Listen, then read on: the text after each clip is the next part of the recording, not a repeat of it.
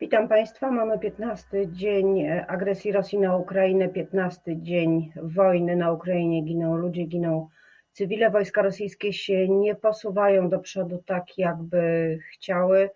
Ukraina się broni, ale gospodarka, w tym polska gospodarka, także otrzymuje potężny cios od tych wojennych warunków, a Unia Europejska i NATO zastanawiają się, w jaki sposób pomagać Ukrainie jeszcze bardziej, jednocześnie nie przekraczając magicznej granicy spowodowania, by wojna stała się wojną światową, trzecią wojną światową. O tym wszystkim już za chwilę będę rozmawiała z moim gościem, Zuzanna Dąbrowska. Dzień dobry. A moim gościem jest dr Małgorzata Bonikowska, szefowa Centrum Stosunków Międzynarodowych Team Europe. Dzień dobry. Dzień dobry. Zacznijmy y, od y, wizyty wiceprezydent Kamali Harris y, w Warszawie, w Polsce, potem jedzie do Rumunii. Czy Pani zdaniem wiceprezydent Stanów Zjednoczonych składa wizytę w Polsce, czy składa wizytę we frontowym kraju Unii Europejskiej? Bo nie jestem pewna, czy to dokładnie jest to samo. Składa wizytę na wschodniej flance NATO, w obszarze, który jest obecnie zagrożony eskalacją konfliktu. To jest bardzo ważna wizyta. Kamala Harris została wrzucona, można powiedzieć, na głęboką wodę. Ona nie ma dużego doświadczenia w polityce zagranicznej. No a poza tym my wszyscy mamy w ogóle zerowe doświadczenie w funkcjonowaniu w stanie wojny. Tymczasem my tak dokładnie powinniśmy funkcjonować, nie tylko Amerykanie, ale Europejczycy również, nawet jeżeli ta wojna konwencjonalna nie toczy się jeszcze na naszym terytorium. Ale mentalnie nam wypowiedziano wojnę już co najmniej kilka lat temu. Myślę, że od kryzysu na Krymie i od tego, że Rosja zadeklarowała bardzo wyraźnie swoje intencje, jakim jest niedopuszczenie do tego, żeby świat był urządzony na modłę Zachodu i sięgnięcie po wszystkie możliwe środki, aby odbudować wpływy w sferze, które dawniej Związek Radziecki miał te wpływy, no to jest wypowiedzenie wojny bez, bez działań konwencjonalnych. Tymczasem Zachód funkcjonował w zasadzie do tej pory, do dzisiaj, do tej inwazji, jakby to był cały czas czas spokoju. I myślę, że trzeba się bardzo wyraźnie przestawić mentalnie i oczywiście liczyć się z bardzo różnymi scenariuszami. Myślę, że bardzo mm, proste sformułowanie, ale prawdziwe jest takie, że my nie możemy spodziewać się, że Władimir Putin i Rosja za jego rządów będzie tylko i wyłącznie działać racjonalnie, tak jak my myślimy. Trzeba założyć, że oni mogą myśleć inaczej i trzeba założyć, że oni również nie mają nic do stracenia obecnie. Więc sytuacja jest poważna. Ale, przepraszam, ale, ale muszę zapytać. Mówi Pani oni muszą, y, mogą działać nieracjonalnie. Oni czy on? Jak pani to ocenia? Czy to jest, e, oczywiście Rosja wspiera e, Putina, to jest jasne, ale to on jest siłą napędową tej wojny. Myślę, że pomysłodawcą i myślę, że tym, który głęboko wierzy w to, co robi, że to ma jakiś ponadczasowy, historyczny, wręcz historiozoficzny sens. Putin na pewno jest to byłoby tak, jak jest. Mm, Putin na pewno jest główną osobą formułującą tą całą rozgrywkę, ale oczywiście on nie jest sam. Raz, że są to ludzie wokół niego. Ludzie na pewno w, dużej, w dużym stopniu jemu podporządkowani mentalnie. Y, zastraszeni to było widać w tej scenie, kiedy wszyscy, cały świat oglądał, jak on strofował na Ryszkina, szefa wywiadu rosyjskiego. Coś niesamowitego to jest w ogóle. Y, dla mentalności zachodniej nie do pomyślenia, ale w państwie autorytarnym, totalitarnym, jak Rosja się stała za Putina przez te 22 lata, no takie są właśnie relacje. Dlatego bardzo trudno sobie wyobrazić, żeby ktoś przynajmniej na razie zakwestionował to przywództwo. Natomiast oczywiście sytuacja jest dynamiczna i w skali najbliższych miesięcy y, może się wydarzyć również jakiś zwrot i w tym otoczeniu, dlatego że oczywiście przede wszystkim oligarchowie, e, no i cała ta elita, putinowska elita, będzie odczuwać sankcje, już je odczuwa. Im bardziej one są bolesne dla nich, tym większa jest możliwość, że no oni pójdą po rozum do głowy i Putin zacznie być obciążeniem, a nie plusem. Ale na razie przedwcześnie byłoby jakby takie scenariusze zakładać. Ja myślę, że my musimy się skupić po naszej stronie e, po zachodniej stronie na trzech e, sprawach. Po pierwsze, na rzeczywistym takim przebudzeniu się mentalnym. I to się już dzieje, ale pytanie, jak głęboko to się dzieje i kogo dotyczy, dlatego że im dalej od granicy, od wschodniej flanki NATO właśnie, tym więcej jest, nazwijmy to, spokoju i takiego też jakby rozumienia, że no tak, mocarstwo, Rosja sięgnęła po środki. Co prawda, oczywiście nikt tego nie pochwala, no ale jednak można zrozumieć, dlaczego oni to zrobili, no bo im się weszło w paradę, że tak powiem, Ukraina to już jest to no-go dla, dla Rosjan. My musimy tłumaczyć, że zdecydowanie jesteśmy w jakimś innym historycznym miejscu i w tej grze, która się teraz toczy, ona nie jest tylko o Ukrainę. To jest gra tak naprawdę o nowy porządek świata, o porządek, który no Rosja ewidentnie zakwestionowała, ona kwestionowała to od dłuższego czasu, ale teraz zakwestionowała brutalnie, w taki sposób, że Zachód przejrzał na oczy, ale pamiętajmy, że Rosja to jest globalny gracz i ona nie jest sama. To nie jest tylko gra z Rosją, tylko to jest gra na, całej, na całym globie, gdzie mamy prawie 200 państw i niektóre z tych państw mogą być zupełnie sprzeczne interesy, różne interesy od też koalicji zachodniej, której ewidentnie dzisiaj przewodzi, przewodzą Stany Zjednoczone. Druga Kto rzecz. jest po stronie Rosji? Chiny? Słucham? Przecież z Chinami. Kto jest po stronie Rosji? Czy to są Chiny? Wiadomo, że te relacje są trudne, e, bo wcale Chiny tak łatwo nie e, otwierają ramion, by by Rosję e, politycznie e, wzmacniać e, i odwrotnie też się nic takiego nie dzieje, to też jest konkurencja. To nie są sojusze, trwałe sojusze, czy jakieś więzi raz na zawsze zawierane. To jest gra interesów czasem bardzo brutalna. Raz ktoś może pójść z Rosjanami, raz inny raz z kolei przeciw Rosjanom. To się wszystko dzieje, ale generalnie rzecz biorąc, pamiętajmy, że są kraje, które mogą nam nie pomóc, są kraje, które myślą inaczej niż Zachód i są też kraje, które mogą mieć dużą dozę rozumienia dla mocarstwowej postawy Rosji. Co więcej, to nie tylko są kraje, to są też środowiska opiniotwórcze w samym Zachodzie i w Stanach Zjednoczonych i w Europie, które mówią dzisiaj tak, no sami żeśmy się prosili o tę wojnę.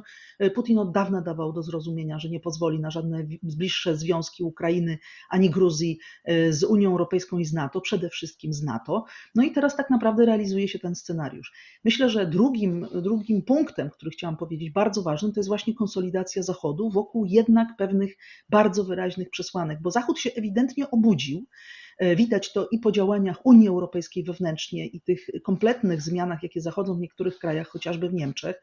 E, widać to po zbliżeniu amerykańsko-europejskim, ale jest pytanie o e, głębokość i długofalowość tej zmiany mentalnej.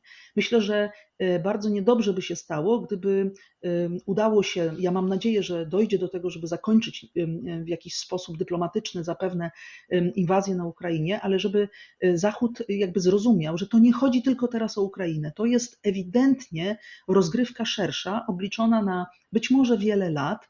Może weszliśmy w ten okres, o którym też mówiliśmy już od dawna, że się zbliża po prostu nowej wojny takiej zimnej, oby ona była zimna, to jest jakaś nowa wojna 2.0 może, bo nowe wymiary się pojawiły, wymiar cyberbezpieczeństwa, wojna informacyjna na niesamowitą skalę, bo nigdy wcześniej nie było internetu i takiego udziału ludzi też w tym, co się dzieje.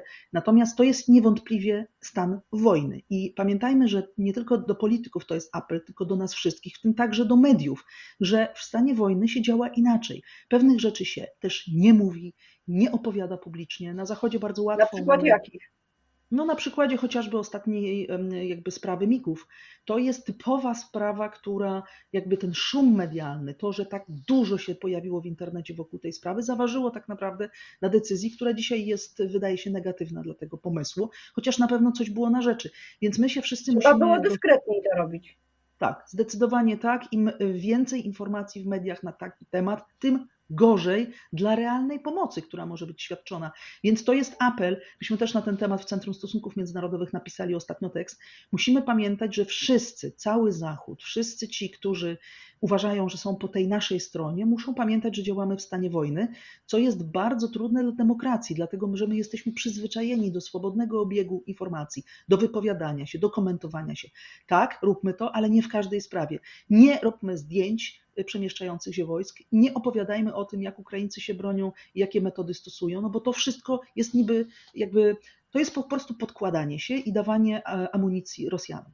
I trzecia rzecz, która jest tutaj istotna, to jest oczywiście ten wymiar gospodarczy i to, co dotykać też będzie na pewno Rosjan, ale też będzie dotykać nas.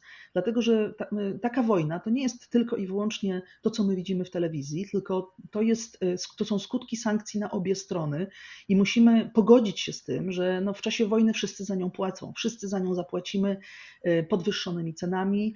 Na pewno dużo firm będzie ogromnie niezadowolonych w ogóle z takiego obrotu rzeczy, zwłaszcza te firmy, nie tylko w Polsce, ja mówię w ogóle o Zachodzie, y, które do tej pory miały interesy głębokie nie tylko na Ukrainie, ale przede wszystkim w Rosji, bo ewidentnie my się chcemy odciąć od tego biznesu, od tego rynku. Oczywiście nie na zawsze i nie z każdą Rosją, ale z Rosją Putina na pewno nie ma możliwości normalnego dzisiaj współpracowania, nawet jeśli y, inwazja na Ukrainie zostanie zatrzymana, bo pamiętajmy, dzisiaj y, my działamy w stanie najwyższej konieczności, takiego ad hocowego próbowania y, zatrzymania Putina, bo nie chcemy, żeby ginęli ludzie na Ukrainie. I to jest bardzo uzasadnione, tak trzeba robić. Y, nie wiadomo, czym się to skończy, nie wiadomo, co dyplomaci, a to tylko dyplomaci mogą dzisiaj załatwić. Ja osobiście głęboko wierzę w te rozmowy, które trwają, o których my wiemy bardzo niewiele i może lepiej, natomiast ich efekt jest nieznany. Na pewno celem jest zakończenie inwazji. A czy spotkanie Y, y, bo mamy do czynienia z rozmowami, które w trzech rundach jak na razie się odbywają e, i rzeczywiście bardzo mało o tym wiemy, ale mamy też y, perspektywę spotkania ministrów spraw zagranicznych Ukrainy i Rosji w Turcji. Czy to też jest takie działanie, które, czy ono na coś wskazuje? Czy ranga tego spotkania może znaczyć o tym, że do tych prawdziwych rozmów na przykład o zawieszeniu broni, żeby nie ginęli ludzie, o korytarzach, prawdziwych korytarzach humanitarnych może wreszcie dojść. Rozmowy ukraińsko-rosyjskie są tylko wierzchołkiem góry rodowej. Cała dzisiaj dyplomacja światowa jest skupiona na tym, żeby zakończyć ten konflikt. E, rozmawiają wszyscy ze wszystkimi. Naprawdę przede wszystkim szuka świat zachodni możliwości też rozmowy poprzez kraje tradycyjnie przychylne Rosji, albo przynajmniej e, z nią nieskonfliktowane. Chiny to jest jeden z graczy bardzo ważnych i to, co dyplomacja chińska i w ogóle pozycja Chin w tym konflikcie jest naprawdę bardzo ważna, ale to są także Indie, które tradycyjnie mają dobre relacje miały ze Związkiem Radzieckim, mają dobre relacje również z Rosją, rozumiejąc też jakby pozycję Rosji, więc i Rosja chce rozmawiać z przywódcami takich krajów jak Chiny. To jest świat arabski. My musimy też na to bardzo uważać, bo to nie jest tak, że Zachód ma tam samych przyjaciół, samych sojuszników, tam są interesy rozliczne, ale jedno jest pewne.